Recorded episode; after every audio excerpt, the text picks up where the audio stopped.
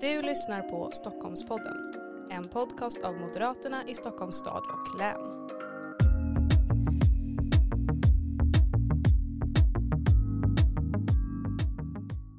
Hej och välkommen till Stockholmpodden och veckans avsnitt som är tillsammans med Mikaela Fletcher, förbundsordförande i Moderaterna Stockholms län. Och dagens poddavsnitt ska handla om ett nytt förslag om sänkt reavinstskatt vid bostadsförsäljning. Förslaget kommer just från Moderaterna i Stockholms län. Välkommen hit Mikaela. Tusen tack. Och du var ju faktiskt gäst här i podden ganska nyligen. Ja, det känns som jag är ständigt här. Ja, men stammis. Ja. Fantastiskt så sett. Men, och vi har ju haft de här återkommande frågorna. Mm. Men i och med att du var gäst här för så pass nyligen så Mm. hoppar vi det segmentet helt enkelt. Så är man intresserad av att höra vad du vill om Stockholm om tio år, då får man gå tillbaka och lyssna på det. Perfekt. Eh, Men vi går in på det här förslaget direkt helt Mm. enkelt. Berätta, vad innebär det här med sänkt reavinstskatt? Men eh, Moderaterna i Stockholms län har på vår förbundsstämma eh, tagit en, eh, prop- antagit en proposition om att sänka reavinstskatten när, och det handlar om eh, skatten när man säljer en bostad. Eh, den fastställdes och beslutet blev att vi nu ska verka för att eh, reavinstskatten sänks. Och det mest spännande är att jag alldeles precis nyligen har stått på ett seminarium tillsammans med både eh, eh, ekonomer på nationell nivå eh, som inte heller var helt främmande för det här, eh, vilket var roligt. Men vi vill alltså göra att det ska bli mer attraktivt för människor som inte längre behöver eller vill kanske till och med bo kvar i sina stora hus eller en större våning. Eh, och att det ska, man ska liksom inte förlora på det utan man ska inte känna sig tvingad att bo kvar heller. Vi vill underlätta helt enkelt och det får med sig att flyttkedjorna sätter igång. Vi behöver ju fler, alla länets kommuner behöver ju fler invånare, nya invånare. Det vi ser idag är att eh, barnfamiljer flyttar utanför länet för det finns inga bostäder. Så vi hoppas ju verkligen på att den här, den här eh, propositionen blir ju då en motion till partistämman i oktober. Och nu gäller det att få med sig några andra förbund så att den också går igenom. Jag fick en viss hint av från, eh, ja, från partiledningen får jag väl säga att det är att det, kan ju vara så att de inte är jätteintresserade just nu. Men får vi med oss eh, flera förbund i, i landet.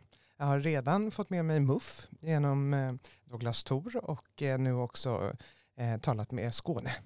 Ja men vad roligt. Mm. Det är verkligen spännande. Det får bli lite så här teamwork och verkligen bygga upp det här inför stämman nu i oktober. Exakt, för det här är så viktigt för Stockholms län framförallt och storstadsregioner. Och kan vi då göra det lättare för folk att hitta en bostad? Vi behöver ju få folk som ska flytta in och bo och som arbetar som poliser eller brandmän, sjuksköterskor, undersköterskor, alla.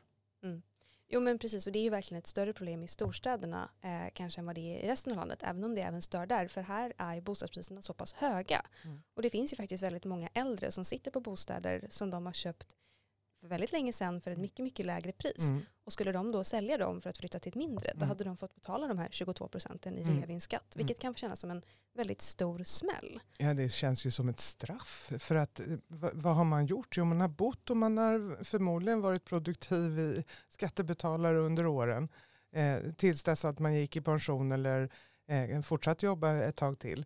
Men idag så sitter det ju folk som kanske till och med ensamstående man eller kvinna för de är enka eller enkling. Eh, och bor i ett enormt hus medan vi ser barnfamiljer som bor väldigt trångt och inte då i länet eller kanske bor kvar här men måste då flytta någon annanstans för att det finns inte bostäder.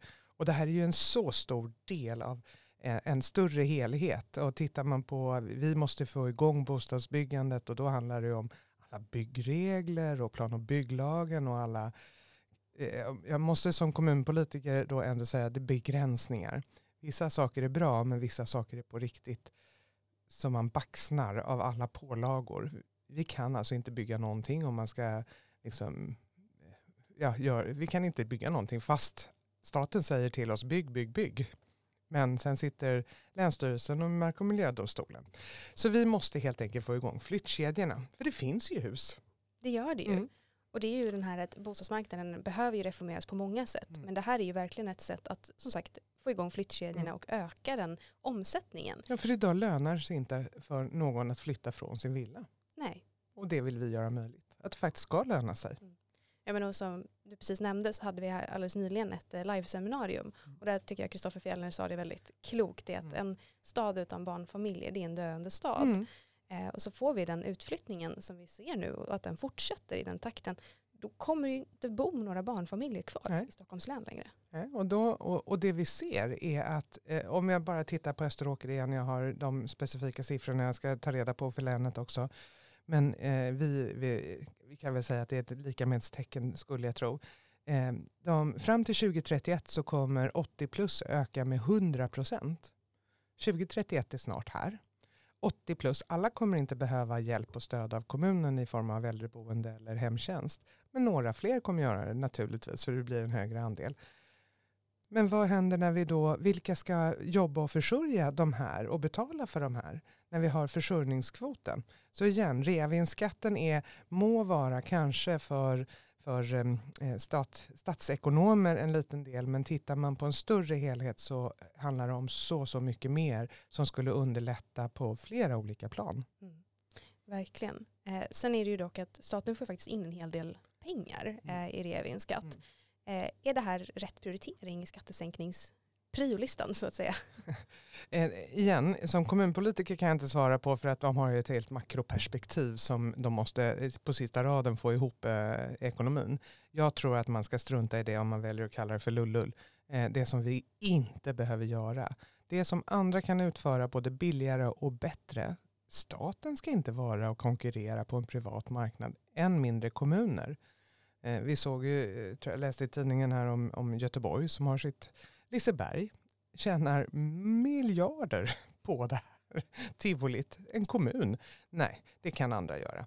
Men ehm, ja, igen, så att jag kan inte svara på om det här är den absolut viktigaste. Men eftersom det får så många andra följdeffekter så ja, då får man ju räkna på det. Och det är det vi säger också, att det här måste ju utredas. Vi säger inte sänk skatten rakt av. Och på det här seminariet så handlar det om det som också står i vår eh, proposition, att vi ger ett exempel på hur man skulle kunna göra en trappa. Det vill säga man ska inte kunna kanske göra jättesnabba klipp och sälja efter ett och ett halvt år. Men de som har bott i 45 år i sin villa, mm, då kanske, eller våning. Ja, jag vet. Vi har ju inte presenterat ett konkret förslag utan det är Nej. ju upp till en utredning. Men jag vet att vi har pratat lite om bland annat en trappa Ja, och sånt. Så det ska ju Mm. vara en logisk, det ska ju inte handla om att du ska tjäna pengar på bostadsförsäljningar. Det ska ju inte bli en bransch på det sättet. Det är ju inte där förslagets motiv ligger. nej, exakt. Och det, och det här får man ju då titta på. Och är det då det, det här som kanske är det första prioriteringen? Ja, kanske inte just nu, eh, säger man på riksnivå, eftersom vi har inflationen. Vi måste få bukt med inflationen först. Men vi vill sätta igång tankeverksamheten och väcka. För, ja, vad var det Kristoffer Fjellner sa? Varje sänkt skatt är en bra skatt. Många citeringar här från det här seminariet Mm. och vi, vi kan ju bara nämna det lite kort att vill man kolla på det i efterhand så går det via vår Facebook-sida Moderaterna i Stockholms stad och län. Så där ligger det. Det var en livesändning då men den Mm. ligger kvar. Mm. Det kan vi rekommendera. Forever and ever. Exakt. Det tittar vi tillbaka på om tio år sådär. Ja. Nej, men jag tycker att det är viktigt det där att man pratar om att, ja, kanske inte just nu, för att vi sitter i det läget, men att vi vågar ha en vision Mm. och att vi vågar se att vi kommer få bukt med den här inflationen och då ska vi göra en massa bra saker. Mm. Så att det tycker jag är ett jättebra take med det här. Att, Mm. ja, kanske inte kommer ske imorgon, Mm. men det är inte det vi säger. Vi säger att det ska ske någon gång.